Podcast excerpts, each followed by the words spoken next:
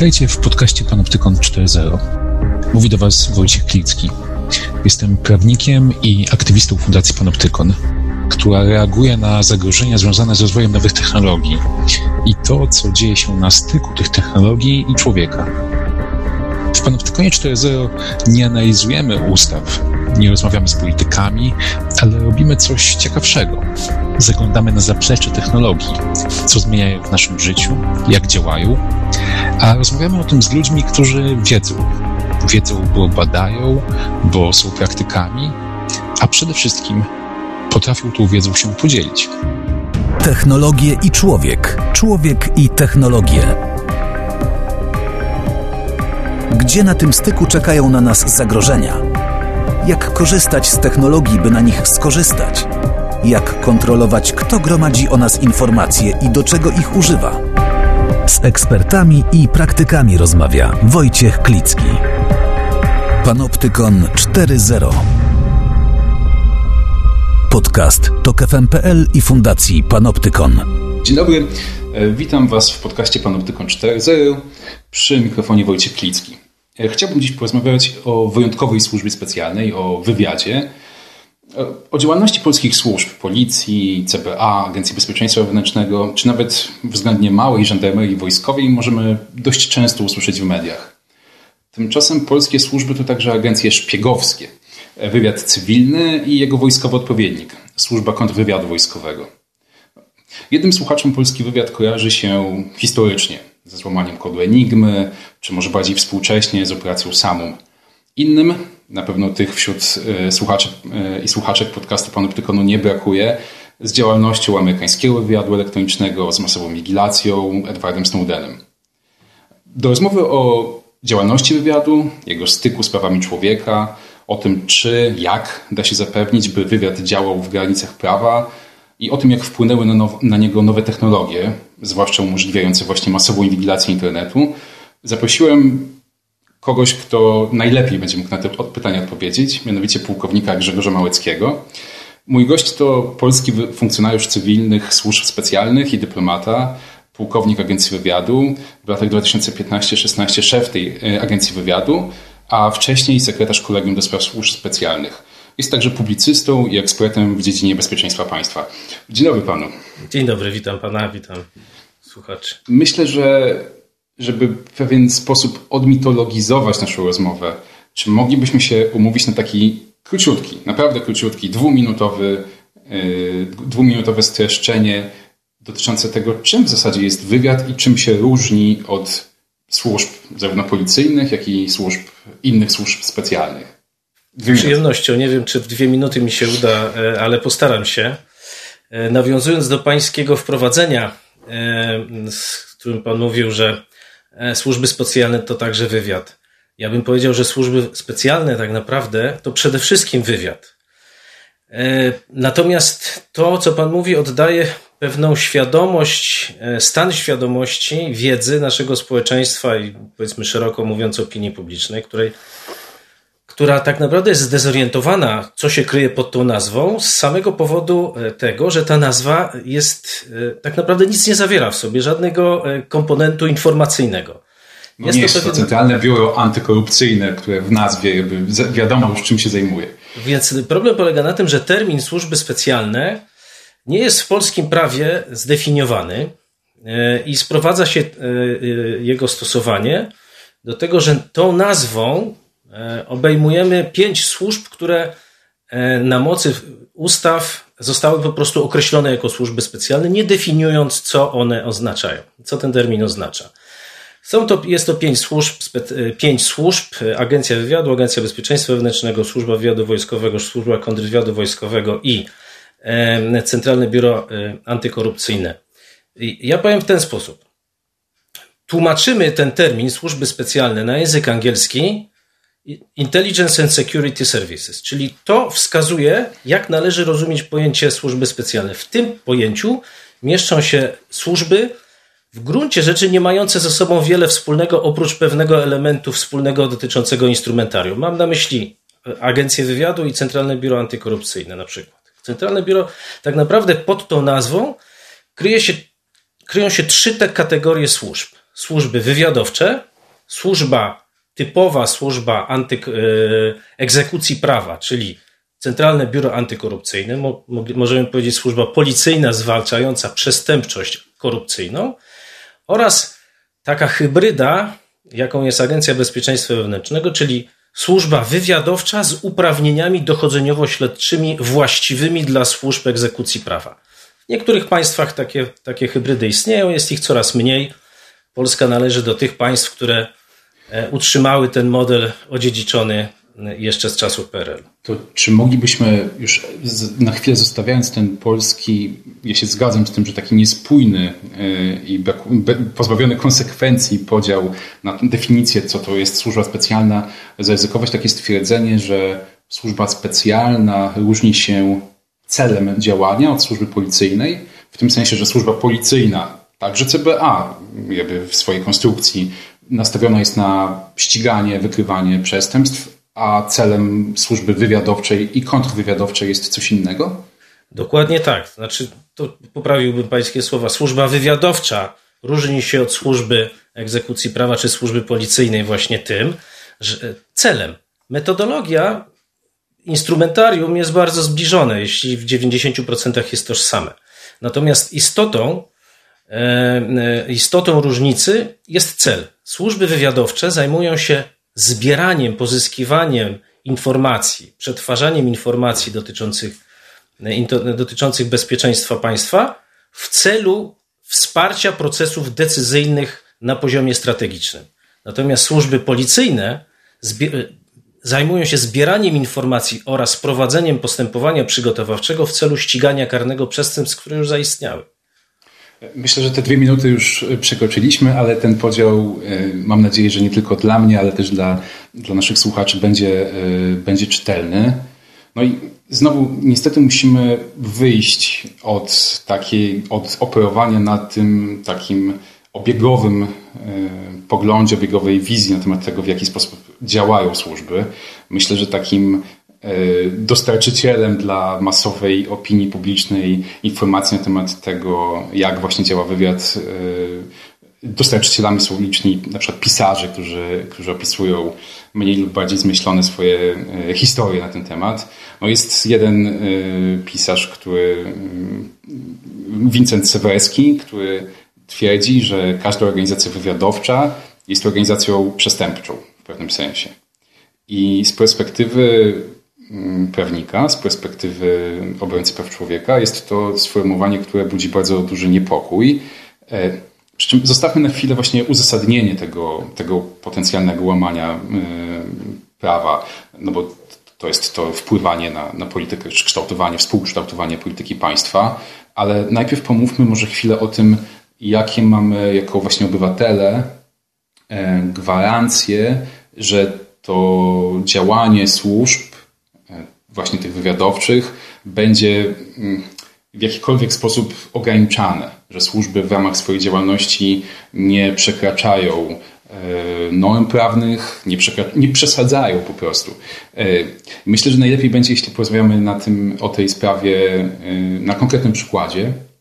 Media niedawno informowały o sprawie związanej z koronawirusem, mianowicie o tym, że Ministerstwo Zdrowia miało kupić, czy kupiło bo przynajmniej zapłaciło e, za dużą ilość respiratorów, e, które to respiratory nie zostały e, ostatecznie dostarczone do ministerstwa.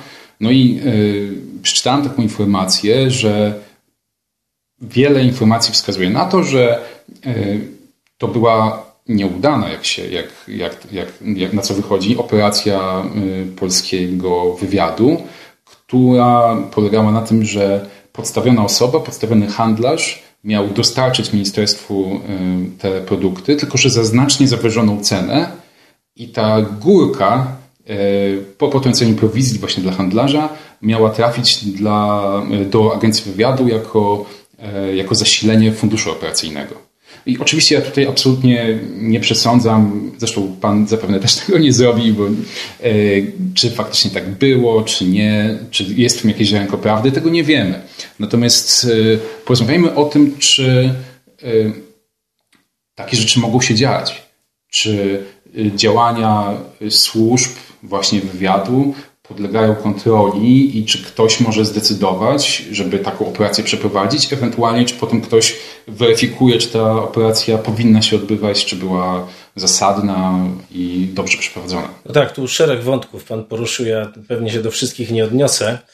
Mogę tylko powiedzieć jedną, e, e, znaczy wyjść jakby od pewnej zasadniczej kwestii. Otóż w świetle e, ustawy o Agencji Wywiadu, albo dokładnie mówiąc Agencji Bezpieczeństwa i Agencji Wywiadu, tego rodzaju działanie byłoby, byłoby dopuszczalne. Powiedziałbym wprost, nie jest to jakby zapisane, natomiast można wyprowadzić to z treści artykułu 6 ustęp 1 paragraf 6, y, y, ustęp 6, znaczy ustęp 6, paragraf 1, czy punkt 1, y, przepraszam, ale ust, Myślę, że dla słuchaczy artykuł 6, ustęp artykuł 6 1, wystarczy. Punkt 6, tak. Można wyprowadzić z tego, można wyprowadzić kompetencje agencji do wykonywania czynności, do zrealizowania zadań zleconych przez, przez rząd o tego rodzaju. Czyli w sytuacji szczególnej nabywania określonego rodzaju produktów i materiałów trudno dostępnych i tak dalej. To byłoby możliwe. I powiem szczerze, że w świetle informacji medialnych, które się pojawiają, niestety mam wrażenie, że jakby w oparciu o te informacje, które się pojawiają, że taka sytuacja jest, istnieje wysokie prawdopodobieństwo, że mamy do czynienia z taką sytuacją. Natomiast problemem jest to, że rząd, władze publiczne, e, zamiast sprawę próbować wyjaśnić, e, zaciemniają jakby obraz. I prawda jest taka, że im więcej takich manewrów jest wykonywanych przez przedstawicieli władzy publicznej, tym bardziej, tym bardziej jakby utwierdzać, e, można się utwierdzić w przekonaniu, że sprawa rzeczywiście jest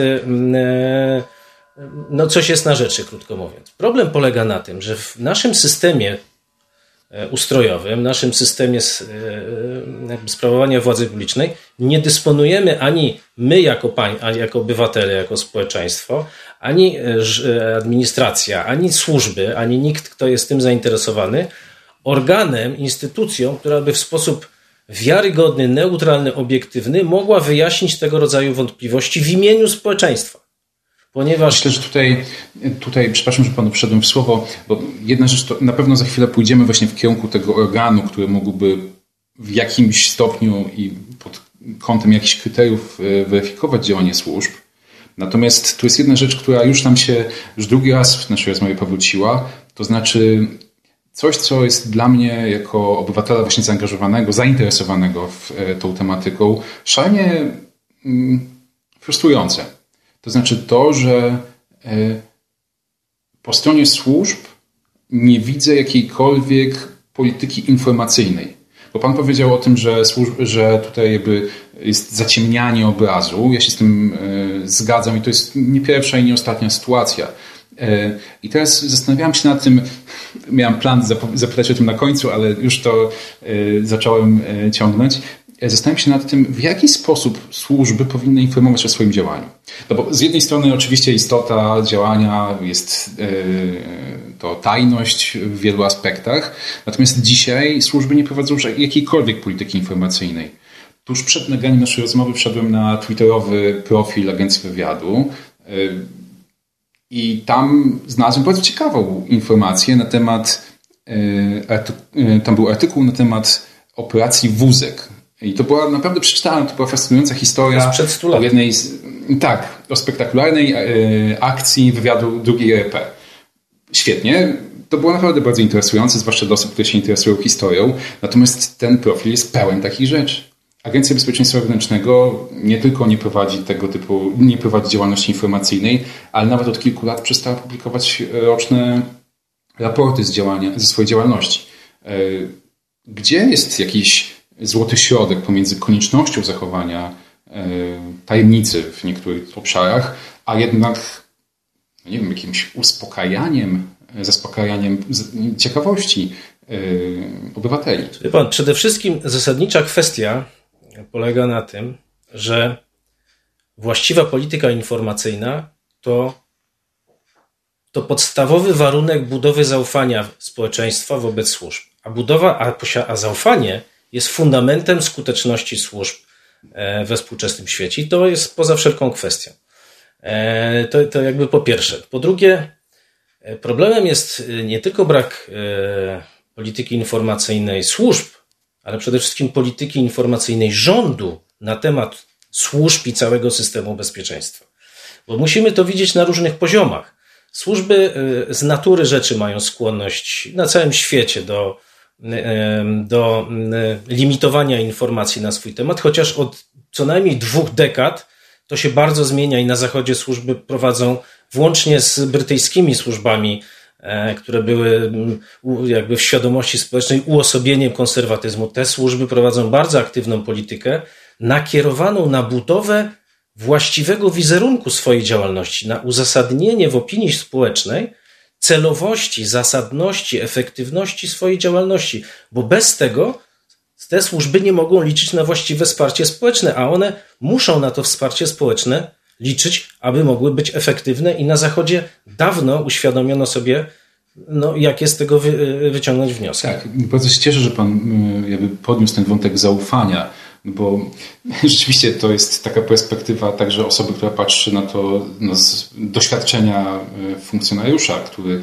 po prostu już obrazowo, no, chcąc, e, oczekując jakiejś współpracy ze strony obywateli, musi wiedzieć, że ci obywatele będą skłonni z nimi współpracować. No, z drugiej strony polityka informacyjna oparta właśnie na budowaniu tego zaufania e, jakby jest jakby może zdusić w zarodku wszelkie jakieś spiskowe, e, spiskowe teorie.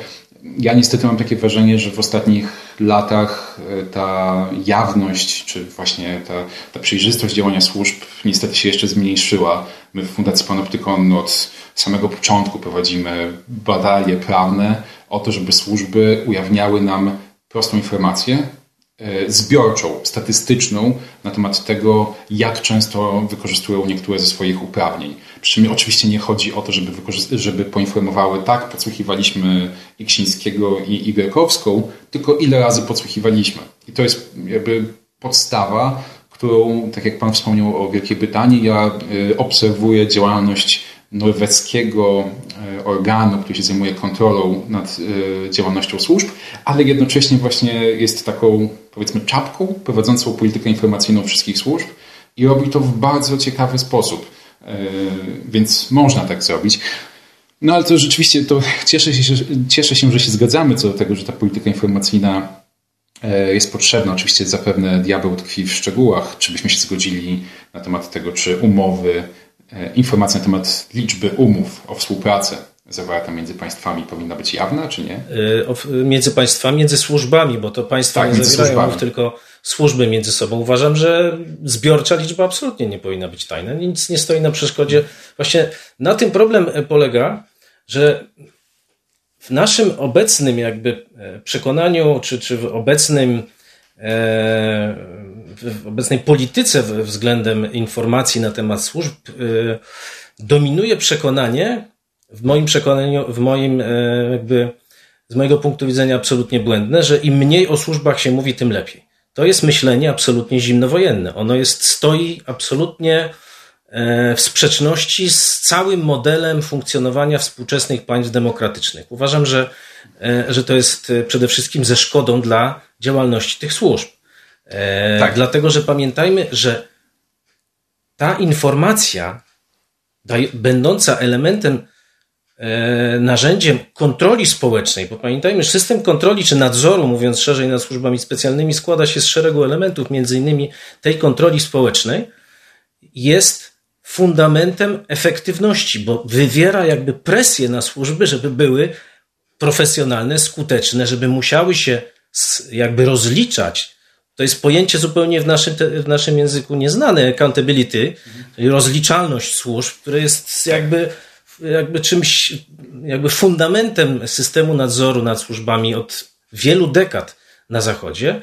Tam służby muszą się rozliczać z tego, co zrobiły, czego nie zrobiły i dlaczego zrobiły to coś tak, a nie inaczej. Dlatego, że są wyposażone w bardzo unikatowe, specjalne narzędzia w celu realizowania bardzo newralgicznych, delikatnych, najważniejszych z punktu widzenia bezpieczeństwa państwa zadań. I dlatego one muszą się rozliczać z tego, jak wywiązują się z tych zadań. Myślę, że to, myśle, to mówienie właśnie o tym w perspektywie takim językiem korzyści dla służb też jest e, bardzo takie odkrywcze. Ja przygotowując się do naszej rozmowy czytałem na portalu Defense24 taką opinię, żeby, że w interesie służb jest rozpoczęcie czy, czy inicjowanie, wspieranie debaty publicznej na temat SIGINT-u, czyli wywiadu elektronicznego, o którym jeszcze będziemy rozmawiać, właśnie po to, żeby no, chociażby go y, zdemitologizować.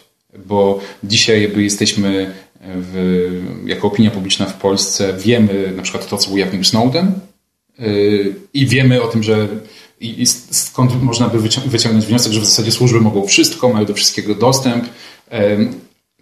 Chyba jednak tak nie jest. Czy to jest no, ale... bardzo ciekawy wątek, na który przy okazji chciałem zwrócić uwagę, właśnie o którym e, mało się mówi. Służby też są, powinny być zainteresowane w istnieniu sprawnego narzędzia nadzorczego, po to, żeby mogły również rozwiewać, bronić się przed zarzutami, które są wobec nich stawiane nieuczciwie albo nieprawdziwymi. Na dzień dzisiejszy te służby nie są w stanie się obronić, walczyć, e, e, dbać o, o, powiedzmy, o ochronę dobrego imienia w sytuacji, kiedy są pomówione o coś, czego nie zrobiły. To również jest coś, na co trzeba zwracać uwagę, o czym się bardzo mało mówi, wychodząc jakby z założenia, że ze, służb, ze służbami może być tylko problem i one mogą być oskarżane wyłącznie E, o, co, o jakieś nadużycia. No tak, oczywiście w takim e, modelu idealnym Rzeczywistość dzisiaj jest taka, że e, ujawniane są jakieś informacje i część nie wiem, polityków, część opinii publicznej krzyczy,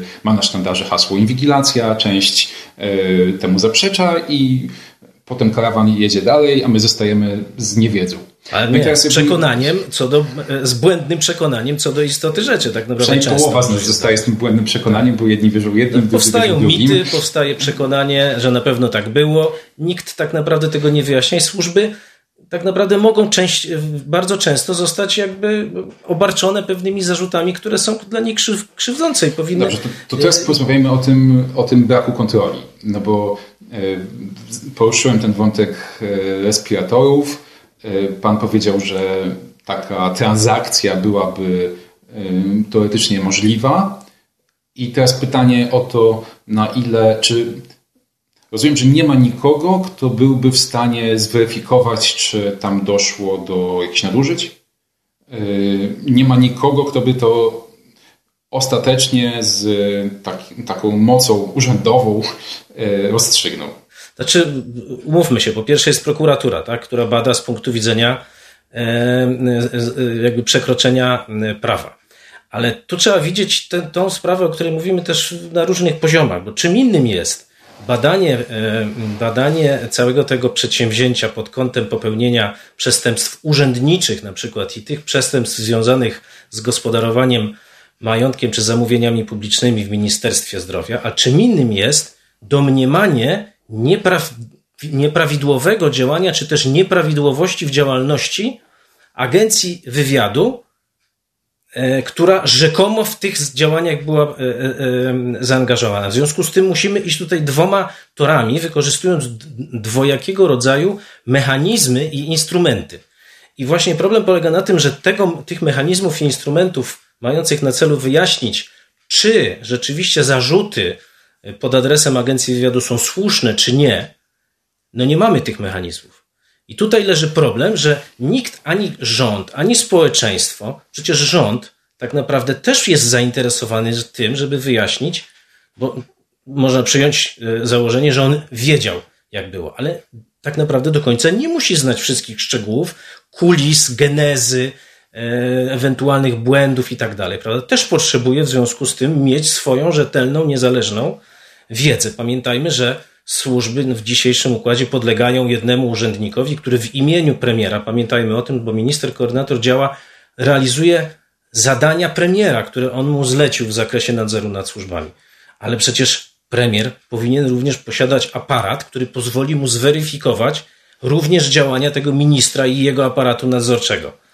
Tego nie no ma. Tak, Czyli nie ma jakby tutaj... w ramach rządu, nie ma też poza rządem, nie ma na poziomie parlamentarnym, nie ma na poziomie państwowym. Tutaj dochodzimy do czegoś, o czym już w podcaście Panoptykon 4.0 mieliśmy okazję rozmawiać, akurat wtedy z panem Jackiem Cichockim, to znaczy do tego, jak osiodłać Pegaza. To, jest, to brzmi enigmatycznie, ale jako panoptykon byliśmy e, czyli e, zaangażowani w pracę nad takim dokumentem właśnie pod tytułem Jak osiodłać Pegaza, gdzie postulowaliśmy stworzenie, czy postulujemy cały czas, stworzenie niezależnego właśnie względem rządu e, ciała, które by się składało z sędziów, którzy mieliby możliwość weryfikacji działalności, działalności służb zarówno pod kątem naruszenia prawa na przykład do prywatności, jak i, jak i tego, o czym rozmawiamy teraz, to znaczy tego, na ile służby działały. E, no właśnie, a czy to powinno być e, weryfikowane? Czy służby czy, czy ta akcja miała sens? Czy ona powinna się odbyć? To czy to też powinno być Pana zdaniem przedmiotem kontroli ze strony takiego niezależnego ciała? Bezwzględnie. Znaczy, i tak jest również w, w, tych e, organach, o których Pan mówi, na przykład w Komisji Norweskiej, ale też w innych państwach, w innych e, e, tego rodzaju systemach nadzoru nad służbami. Ich działalność koncentruje się na kilku obszarach. Oczywiście zbadanie zgodności z prawem, rozpatrywanie skarg obywateli to są jakby podstawowe, podstawowe zadania, ale również badanie działalności służb krótkiej i w długiej perspektywie z punktu widzenia ich efektywności, z punktu widzenia, e, z punktu widzenia e, celowości podejmowanych działań, proporcjonalności, gospodarności, pod różnymi kątami, ponieważ to jest element nadzoru ze strony społeczeństwa, w tym przypadku, jeśli mówimy o takim eksperckim organie pozarządowym i pozaparlamentarnym, nadzoru nad działalnością rządu w zakresie bezpieczeństwa państwa.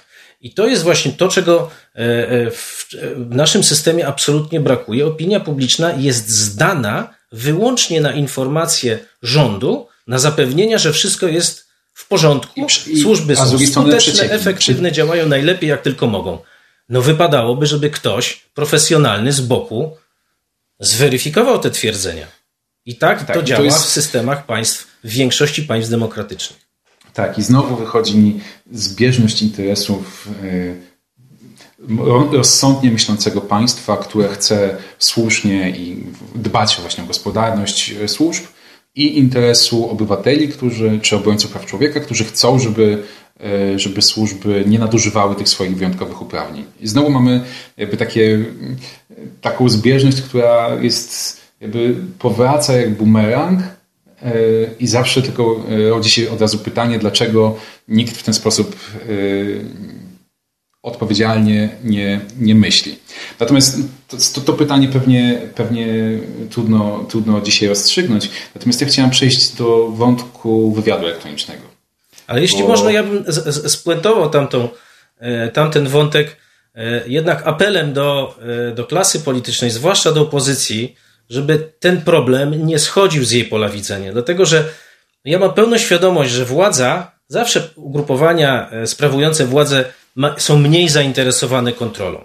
W związku z tym odpowiedzialność spoczywa na tych, którzy są w danym momencie w opozycji, ale teoretycznie walczą o to, żeby, żeby kierować państwem. To opozycja powinna mówić o tym, formułować programy, propozycje, prowadzić debatę, wymuszać na rządzie, tak to się zresztą dzieje w większości państw demokratycznym, wymuszać różnego rozwią rodzaju rozwiązania. Powiem szczerze, że ja jestem zawstydzony e, po prostu milczeniem opozycji e, e, w tych tematach. E, ja myślę, Zbyt mało na ten temat się mówi, buduje się świadomość i proponuje się, deklaruje się różne rozwiązania. Właśnie chodzi o to, żeby opozycja, która w danym momencie nie rządzi, przyjęła na siebie pewne zobowiązania, które będzie musiała wypełnić w momencie, kiedy e, obejmie władzę. Moja obserwacja jest taka, że e, absolutnie opozycja zajmuje się tym tematem, ale w bardzo powierzchowny sposób. Tak jak mówiłem wcześniej, krzycząc inwigilacja, krzycząc, e, rzucając to słowo po to, bo ludzie je też e, łapią. Żyjemy w tak bardzo spolaryzowanym e, społeczeństwie, że nawet późniejsze dementi ze strony rządu, wiem, rzecznika prasowego koordynatora do spraw służb specjalnych i tak e, nic nie zmienia, bo ci, którzy mieli uwierzyć w to, że do inwigilacji dochodzi, już w to uwierzyli, ci, którzy mieli nie uwierzyć, i tak nie uwierzą i to e, taka powierzch takie powierzchowne zajmowanie się tematem dzisiaj jest dzisiaj jest znaczy, na topie. Według mnie to jest wykorzystywanie wyłącznie do celów bieżącej polityki tego hasła, a nie odpowiedzialne proponowanie rozwiązań długofalowych, systemowych i ustrojowych. I tutaj po prostu no ja niestety jest mam zaniedbanie. Duże takie rozgoryczenie, bo pamiętam jednego z polityków dzisiaj znajdujących się w opozycji, który kiedy był jeszcze e, jego partia rządziła, przez wiele miesięcy czy lat przekonywał nas, organizacje pozarządowe, obrońców praw człowieka, że realizacja drugiego z postulatów raportu o siodać Pegaza, czyli wprowadzenie obowiązku informacyjnego dla jednostki, że była inwigilowana, jest yy, niemożliwe. Że to rozsadzi system, system, bez, system bezpieczeństwa, po czym kiedy zmieniła się władza, ten sam polityk złożył projekt ustawy właśnie realizujący ten postulat, no tylko, że już był, yy, już był w opozycji i to już, yy, to już niewiele zmieniło. No ale E, chciałem teraz przejść do takiego sformułowania. Polski wywiad elektroniczny funkcjonuje poza prawem. E, jest to tytuł wywiadu, którego Pan udzielił e, w dzienniku Gazecie Prawnej kilka tygodni, czy może kilka miesięcy temu. No i wywiad elektroniczny SIGINT jest czymś, co dla przeciętnego słuchacza może się kojarzyć wyłącznie właśnie masowa inwigilacja, koniec świata, koniec prywatności. Co to tak naprawdę jest? Mógłby Pan znowu w tych dwóch minutach? Tak, tak. Tłumaczyć? Oczywiście e, w bardzo powierzchowny sposób. No, tak jak Pan sam e, zdefiniował e, to pojęcie SIGINT-u. No, SIGINT zresztą jest akronimem od anglo, angielskiej nazwy Signal Intelligence, czyli wywiad sygnałów My tłumaczymy ten, ten termin jako wywiad elektroniczny bądź radioelektroniczny. W różny sposób jest to w, polskiej, w polskim piśmiennictwie i prawodawstwie e, e, definiowane czy e, określane. Natomiast generalnie sprowadza się to rzeczywiście do prowadzenia wywiadu zagranicznego, co jest ważne, poprzez jakby pozyskiwanie wiedzy o komunikacji, która się odbywa w przestrzeni E, w systemie e, teleinformatycznym. Prawda? Kiedyś do, polegało to na przechwytywaniu e, komunikacji radiowej. Dzisiaj tak naprawdę większość komunikacji telefonicznej czy internetowej odbywa się za pośrednictwem światłowodów i chodzi o to, że po prostu ten masowy ruch odbywający się za pośrednictwem światłowodów jakby poza granicami państwa jest przechwytywany i służy do mm, jakby monitorowania istotnych zagadnień, które, mm, czy pozyskiwania wiedzy na temat istotnych zagadnień, które mm, są jakby e, przekazywane przez, przez te sieci e, telekomunikacyjne czy, czy światłowodowe. E, natomiast problem polega na tym, że w polskim systemie prawnym termin SIGINT jest czy wywiad radioelektroniczny jest po prostu traktowany, powiedziałbym, daleko oczywiście. marginalnie. Tak. tak, ale to jeszcze zanim przejdziemy do tego, to chciałem spytać yy, o dwie rzeczy. Najpierw o to, czy w takim razie to takie potoczne, obiegowe wyobrażenie o wywiadzie, o szpiegach a la James Bond, chodzących gdzieś mm, po kasynach i, i szpiegujących jest już nieaktualne i dzisiaj większość e, nacisku czy większość pracy koncentruje się na wiem, to, to są informatycy siedzący w podziemiach e, agencji wywiadowczych e, i monitorujące sieci teleinformatyczne? No, różnie, bo różne kraje mają różny model funkcjonowania wywiadu, prawda? Był taki czas, kiedy rzeczywiście to zachłyśnięcie się możliwościami technologicznymi prowadziło do zarzucenia tej działalności wywiadu osobowego, czyli human intelligence, humintu. Natomiast y, dobry wywiad to wywiad zrównoważony, to wywiad, który wykorzystuje wszelkie dostępne możliwości we właściwy sposób na, na zasadzie synergii e, ze sobą połączone, tak żeby osiągać no, jak największe efekty w zdobywaniu wiedzy, na której nam zależy. Pamiętajmy, że istotą wywiadu nie są gry wywiadowcze. Gry wywiadowcze, ściganie się, tak, zabawa e, wywiadów z kontrwywiadami, włapanie szpiegów nawzajem i, i oszukiwanie się, prowadzenie różnego rodzaju sztuczek, nie jest jakby esencją, nie jest celem wywiadu. Celem wywiadu jest zdobycie informacji, która jest dla nas, ma kluczowe znaczenie dla naszego bezpieczeństwa w celu oparcia na nich właściwych decyzji rządu. To, o czym my mówimy, te gry wywiadów, są tylko środkiem. One są tylko sposobem, który ma nam zapewnić uzyskanie najlepszych informacji oraz możliwości wpływania na decyzje, na sytuacje, na działania tych ośrodków czy też e, aktorów, którzy są uznani e, przez nas jako nam wrodzy albo zagrażający naszemu bezpieczeństwu. Jeszcze druga rzecz, o której chciałem, chciałem spytać po tej definicji SIGINT-u, jaką Pan przedstawił, to jest to, to podkreślanie wątku zagranicznego tego, że to jest monitorowanie sieci za granicą. I to się trochę wiąże z w ogóle szerszym problemem, bo Agencja Wywiadu powinna działać poza granicami kraju. E, natomiast no i jeśli ci szpiedzy sobie gdzieś jeździli za granicą, już tak uproszczeniu, to wtedy obywateli Polski to w żaden sposób nie mogło dotknąć. Natomiast dzisiaj, kiedy mówimy właśnie chociażby o wywiadzie elektronicznym, to to rozróżnienie, że wywiad nie zajmuje się sprawami Polski i być może, jak się niektórzy postulują, w związku z tym powinien trochę inaczej być kontrolowany, jest e, moim zdaniem dość e, fikcyjne to rozróżnienie, ponieważ w internecie, bo o tym o nim właśnie mówimy, szalenie trudno jest, e, o ile w ogóle jest to możliwe, rozstrzygnąć, czy ktoś jest obywatelem Polski, czy nie jest obywatelem Polski, a nawet jeżeli już wiemy, że to jest obywatel innego państwa, to dzwoni do Polaka albo mailuje z nim. I e, właśnie czy w dobie Sigintu to rozróżnienie ono ma jeszcze jakikolwiek sens? Ma sens, jak najbardziej. To znaczy, ono nie jest fikcyjne. Tylko to, o czym Pan mówi, rodzi nieporównanie większe problemy w określeniu limitów, granic e, działania wywiadu niż kiedyś. I stąd należy. No tak, ta granica się zaciera, prawda? Dokładnie, zaciera się stąd właśnie państwa zachodnie od co najmniej od dekady począwszy od Stanów, a skończywszy ostatnio w zeszłym roku na, na, na, na, na Niemczech, e, doskonalą swoje systemy nadzoru i kontroli, zadaniowania również wywiadu elektronicznego w taki sposób, aby uniknąć sytuacji, w której działania związane z prowadzeniem wywiadu obejmują obywateli, e, obywateli danego kraju bądź naruszają prawa E, również w przypadku Niemiec mowa jest o, o, prawach e, człowieka i obywatela. Krótko mówiąc, generalnie chodzi o to, aby ograniczyć działalność e, wywiadu elektronicznego do tych obszarów i tych zagadnień, które rzeczywiście stanowią zagrożenie dla bezpieczeństwa państwa, aby uniknąć sytuacji wykraczania poza mandat, który został im przyznany. Stąd wywiad elektroniczny we współczesny SIGINT daje nieprawdopodobne możliwości zdobywania informacji, ale równocześnie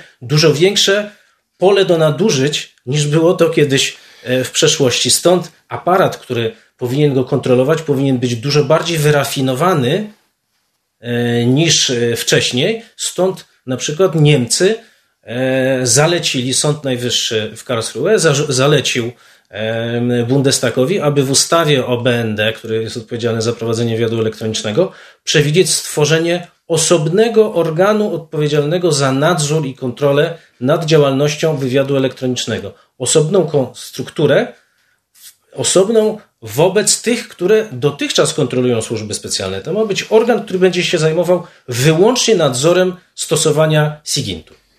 Tak chciałbym, żebyśmy byli na tym poziomie problemów, e, jakie, z jakimi mierzą się nasi zachodni sąsiedzi. Co ciekawe, e, nie tylko nasi zachodni sąsiedzi mają już organy, które się zajmują kontrolą, bo tak jak rozmawialiśmy jeszcze przed nagraniem, nawet, czy nawet także nasi wschodni sąsiedzi na Ukrainie kilka tygodni temu, prawda? Nie, nie tak dawno tak, stworzyli mechanizm, e, mechanizm kontrolny. On będzie też, czy wygląda na to, że on ma szansę być skuteczny? Tak, to trochę szczegółów. Znaczy 17 września Rada Najwyższa Ukrainy uchwaliła nowelizację ustawy o wywiadzie, e, o wywiadzie, która przewiduje powołanie stałej komisji e, parlamentarnej wyposażonej w bardzo szerokie kompetencje nadzoru nad służbami e, wywiadowczymi, nad służbami określonymi jako służby wywiadowcze w ustawie o, e, o wywiadzie. Zakres kompetencji tej, tej komisji jest bardzo duży i czerpie w naprawdę nie, w daleko idący sposób z najlepszych wzorców i standardów zachodnich. Można powiedzieć, że ukraiński, ukraińska komisja do spraw służb wywiadowczych w Radzie Najwyższej dużo bardziej spełnia standardy euroatlantyckie niż, niż polskie rozwiązania w tym zakresie. Myślę, że można powiedzieć, że ona spełnia, a nasze tak naprawdę tylko udają, że spełniają, bo w gruncie rzeczy te standardy są w sposób tylko raczej e, taki mm, iluzoryczny e, spełniane. Ja się z tym absolutnie zgadzam. E, wiem też, że chociażby Europejski Trybunał Praw Człowieka w Strasburgu prowadzi teraz sprawę także z zainicjowaną moją skargą właśnie na brak regulacji dotyczących kontroli nad służbami specjalnymi. Ta sprawa będzie teraz się coraz bardziej rozwijać. Natomiast e, jeszcze ten SIGINT, no bo kiedy mówimy o SIGINTie i o tym, co jako opinia publiczna o nim wiemy, no to trudno uciec od e, Edwarda Snowdena. Pan użył takiego interesującego sformułowania, że był okres zachłyśnięcia się e, tą, tą, tą formułą. Kilka lat temu na zaproszenie panoptykonów w Polsce był William Binney, był analityk e, amerykańskiego wywiadu, e, który właśnie o tym zachłyśnięciu się e, we wspaniały sposób, bardzo to obrazowo opisujący mm, opowiedział, więc ja pozwolę sobie to zacytować. Gromadzenie terabajtów przypadkowych danych sprawia, że NSA, czyli amerykański wywiad, nie jest w stanie ich analizować. Codziennie gromadzi dane telekomunikacyjne, lokalizacje, połączenia telefoniczne, internetowe, 4 e, miliardów ludzi. Aby to miało sens, jeden pracownik musiałby skontrolować dziennie 200 tysięcy osób. Przywaleni danymi funkcjonariusze zarzucili analizę kierunkową, jedyną, która może wykryć rzeczywiste zagrożenia, na rzecz prostego przeszukiwania baz danych po słowach kluczowych.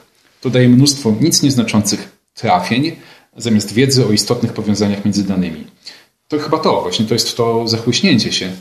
A jakby czy jako obywatel mogę mieć takie poczucie, y, bo, że, że to się cofa, ten trend? Czy że to już się, że to jest już przesądzone i służby na tyle, na ile będą mogły, wszystkie będą właśnie pobierać te terabajty danych, czy jednak jest jakaś refleksja, że to być może nie jest najlepsza droga?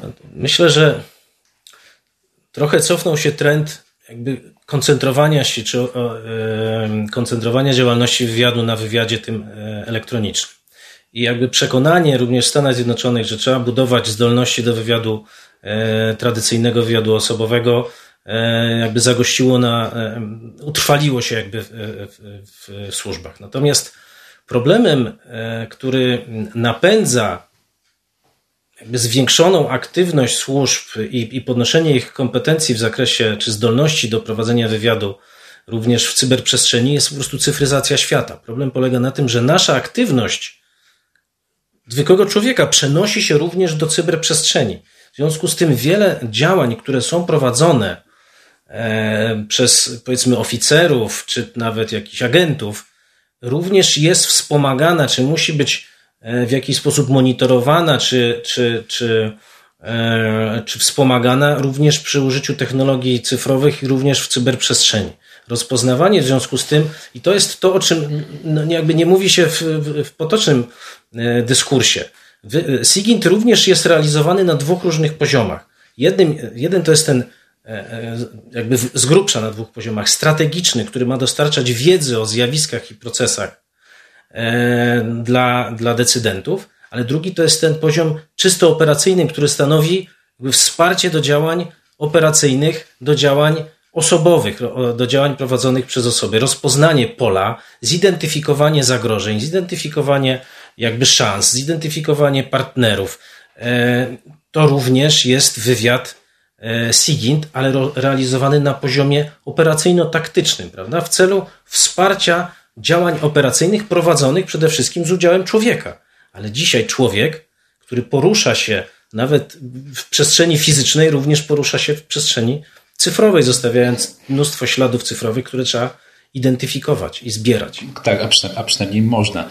Faktycznie strasznie nam się te wątki tutaj bardzo ładnie łączą, no bo no, o tym, o tym, że doszło do zachłyśnięcia się SIGINT-em, głównie w Stanach Zjednoczonych, wiemy dzięki Snowdenowi i to Snowden dzięki swojemu działaniu jakby wykreował czy pobudził debatę publiczną.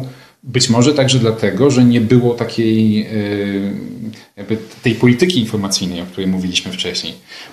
Ja w naszej rozmowie jakby nie chcę rozmawiać o samym Edwardzie Snowdenie, bo jakby mam wrażenie, że mm, dyskusja na temat jego motywacji bardzo często przysłania informacje czy dyskusje na temat tego, co ujawnił. Więc te, te motywacje zostawmy, bo one nie są istotne. Znaczy, są istotne, ale jakby są odrębnym wątkiem. Odrębnym od tego, że kilka tygodni temu amerykański sąd stwierdził, że ujawnione przez Snowdena programy, właśnie tej masowej inwigilacji, naruszały amerykańską konstytucję. Czyli rozumiem, że mamy tutaj. E, pana odpowiedź na to jest taka, że nie chodzi o to, żeby służb nie było w internecie, tylko żeby, y, bo tam się ludzie przenoszą, y, tylko żeby były kontrolowane. Dobrze tylko żeby ta działalność była celowa, żeby ta działalność była bardziej celowana i bardziej uzasadniona konkretnymi celami, y, niż prowadziła tą działalność w sposób masowy, prawda, nie, nie, nie, nie. A przede wszystkim chodzi o to, w gruncie rzeczy, żeby ta działalność była mocno związana z celami, jakie są służbom stawiane przez, przez rząd. Krótko mówiąc, żeby ta działalność była e, uzasadniona, żeby nie była prowadzona w sposób dowolny, tak jak, no co tu dużo ukrywać, jest w pewnym stopniu w Polsce, żeby była prowadzona w sposób e, uzasadniony potrzebami państwa. I tu chciałbym wrócić do tego, co, od, e, od czego Pan zaczął ten, ten wątek Sigintu. Po prostu w naszym systemie prawnym Termin wywiadu radioelektronicznego znajduje się wyłącznie w ustawie o Agencji Bezpieczeństwa Wewnętrznego i Agencji Wywiadu i zajmuje jeden punkt w ustęp, ustaw, e, artykule 6 ustęp 1, który mówi, że Agencja Wywiadu prowadzi wywiad radioelektroniczny. I koniec. Ani gdzie, ani jak, ani w jakim celu, ani na jakich zasadach, ani kto to kontrol, kontroluje i, yy, i co jakby z, z urobkiem w ten sposób pozyskiwanym E, e, się dzieje, a przede wszystkim nigdzie ten termin nie jest zdefiniowany. Znaczy, na tym polega problem, że e, wyjaśnię to, że ten zapis powstał w 2002 roku. Przepisywał w gruncie rzeczy zapisy z ustawy o Urzędzie Ochrony Państwa, czy też pewne z, z, z początku lat 90.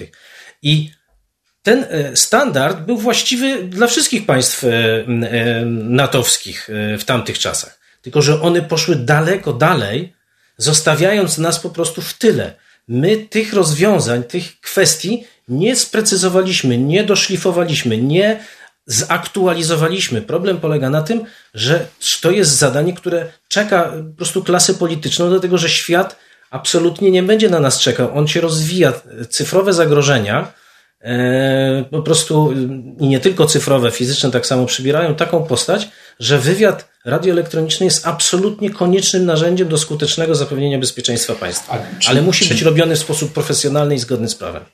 A czy ma Pan y, taką obawę, że no bo zgadzamy się co do tego, że stan ochrony praw człowieka, jakbyśmy tego nie nazywali, czy właśnie kontroli nad służbami w Polsce odstaje od państw unijnych. I czy nie ma Pan takiej obawy, że ryzykujemy mechanizmem podobnym, jak to się dzieje we współpracy pomiędzy polskimi sądami a sądami zagranicznymi, mam na myśli inne sądy unijne, gdzie inne sądy unijne właśnie ze względu na stan w Polsce stopniowo zaczynają w różnych sytuacjach odmawiać współpracy, nie wiem, wydawać, yy, realizować europejskiego nakazu aresztowania czy coś w tym, i podobne historie. Czy ryzykujemy, nie rozwiązując braku, problemu braku kontroli, podobnymi odmowami współpracy na poziomie służb? Zdecydowanie. Znaczy, to nie byłoby ten na pewno w taki sposób kategoryczny, nie byłoby to, e, nie przybrałoby postaci e, zdecydowanej odmowy współpracy, ale może prowadzić do jakby do zamarcia tej współpracy, do, do sprowadzenia jej do, do, do czysto formalnych, kurtuazyjnych kontaktów e, na, na, na, na najwyższym szczeblu i de facto po prostu do wyczerpania formuły realnej współpracy, która pamiętajmy w przypadku służb polega na, na, na najbardziej zaawansowana współpraca na prowadzeniu wspólnych przedsięwzięć, na dzieleniu się najbardziej tajnymi informacjami, na, na, na podejmowaniu wspólnych działań przy użyciu własnej infrastruktury. Ale to można robić tylko w przypadku państw e, czy służb państw, które mają do siebie e, duże zaufanie i bardzo podobne oprzyrządowanie. Między innymi to oprzyrząd, tym, tym oprzyrządowaniem, o którym mówię, jest również system nadzoru i kontroli zapewniający, że działania tych służb nie łamią przepisów, nie naruszają praw e, e, unijnych czy natowskich, a przede wszystkim, e, że nie są wykorzystywane do celów innych niż te, które są przewidziane w mandacie dla danej służby wynikającej z ustawy. Myślę, że tutaj powoli już będziemy się zbliżali do końca. Mam takie poczucie, że pewnie gdybyśmy usiedli przy stole i szczegółowo zaczęli rozmawiać o tym, jak taka kontrola miałaby wyglądać, to w kilku punktach, co najmniej w kilku punktach byśmy się różnili. Natomiast szalenie dla mnie ciekawe, ważne jest to, że zarówno osoby z organizacji pozarządowych, jak i eksperci, którzy mają wieloletnie doświadczenie w służbach, zgadzają się co do, tej, co do tego kierunkowego y, postulatu stworzenia kontroli nad służbami specjalnymi, który to postulat jest w interesie obywateli, w interesie państwa, w interesie funkcjonariuszy, we wszystkich interesie. Y, I faktycznie tutaj można na koniec mieć takie, takie rozgoryczenie, dlaczego, dlaczego nikt tego interesu nie realizuje. Być może, na to pytanie na pewno już dzisiaj sobie nie odpowiemy, to nie do końca jest wyłącznie kwestia tego, że e, opozycyjni politycy e, nie podejmują tego trudu. Być może też jest to kwestia tego, że e, my jako społeczeństwo, jako obywatele niewystarczająco mocno tego od nich oczekujemy. To na pewno. A nie, a nie oczekujemy tego od nich, bo się służb nie boimy, bo nie mamy nic do ukrycia, a to jest y, błędne myślenie, bo to, czy mamy coś do ukrycia, czy nie, to niestety w współczesnym świecie to nie my decydujemy o tym, czy coś jest do ukrycia, tylko ci, którzy choćby stanowią prawo i dla których jednego dnia coś może być legalne, a drugiego dnia już może być e, jakimś kłopotem. Ale tak czy inaczej uważam, że największa odpowiedzialność spoczywa na klasie politycznej. Mówię to na podstawie wiedzy i doświadczeń zebranych przez, przez służby specjalne czy systemy nadzoru i kontroli w różnych państwach są organizacje, jak znany na pewno panu Dika w Szwajcarii, który od ponad 20 lat monitoruje i e, najlepsze rozwiązania, proponuje najlepsze standardy, buduje świadomość, oferuje również doradztwo różnym e, organom międzynarodowym, ale również rządowym, uczestniczy między innymi w, w reformie systemu e, służb na, na, na Ukrainie. I chodzi o to, że budowa świadomości wśród elit politycznych, w opinii w środowisku powiedzmy, liderów opinii, i tu mówię nie tylko o politykach, ale również o dziennikarzach, o ekspertach, e, którzy tą problematyką zajmują się, budowa świadomości jakby potrzeby działań w tym zakresie jest tutaj kluczowym zadaniem w tej chwili, bo ja po prostu, ja się spotykam często z odpowiedziami, no ale jak, przecież u nas jest system, jest kolegium, jest e, Sejmowa Komisja do Służb Specjalnych, Sejmowa. ale tu elementarnej wiedzy nie ma na temat tego, że to są rozwiązania, nawet jeśli były dobre, ale w 95-7 roku, my jesteśmy dzisiaj w 2020, my nie możemy opierać się, nawet gdyby te rozwiązania nie zostały zepsute w stosunku do tamtych rozwiązań. Pamiętajmy, że Komisja Sejmowa dzisiaj jest po prostu cieniem tego, czym była w swoich najlepszych latach, ale ona nawet w tych najlepszych latach była pozbawiona realnych narzędzi pozwalających sprawować rzeczywistą kontrolę, bo tu nie chodzi o kontrolę pozorną czy pozorowaną. Chodzi o rzeczywistą kontrolę, której kluczem jest to, że ta komisja jest w rękach opozycji każdorazowo. I nigdy i nigdzie nie działa to w inny sposób, bo inaczej po prostu sens takiej komisji po prostu y, jest znikomy, jeśli w ogóle można powiedzieć, że istnieje.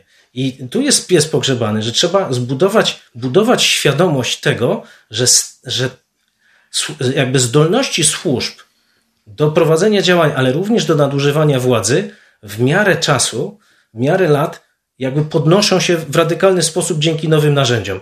I to musi za sobą pociągać również doskonalenie aparatu kontrolnego i nadzorczego, a my nie mamy z tym do czynienia. Tak, to, to jest y, też tak właśnie o tym myślę, jako równomiernym, o konieczności równomiernego rozwoju, rozwoju y, technologii, które ciężko powiedzieć, że jakieś technologii, są pewnie nieliczne technologie, których można tak arbitralnie zakazać. Natomiast ponieważ właśnie życie się przenosi do internetu, to wiele nowych narzędzi służby powinny mieć, ale jednocześnie to powinno być e, poddane kontroli. O tym, e, dlaczego chociażby Komisja Sejmowa e, jest fikcyjnym czy fasadowym narzędziem kontroli i o innych problemach związanych z brakiem kontroli, piszemy szczegółowo w wspomnianym już w tej rozmowie raporcie Jak osiadać Pegaza, do którego lektury zachęcam. E, no a tymczasem e, bardzo serdecznie dziękuję panu pułkownikowi za rozmowę. Bardzo mi miło. E, moim gościem był pułkownik Grzegorz Małecki, a żegna się z wami Wojciech Klicki. Do usłyszenia w kolejnym odcinku podcastu Panoptykon 4.0.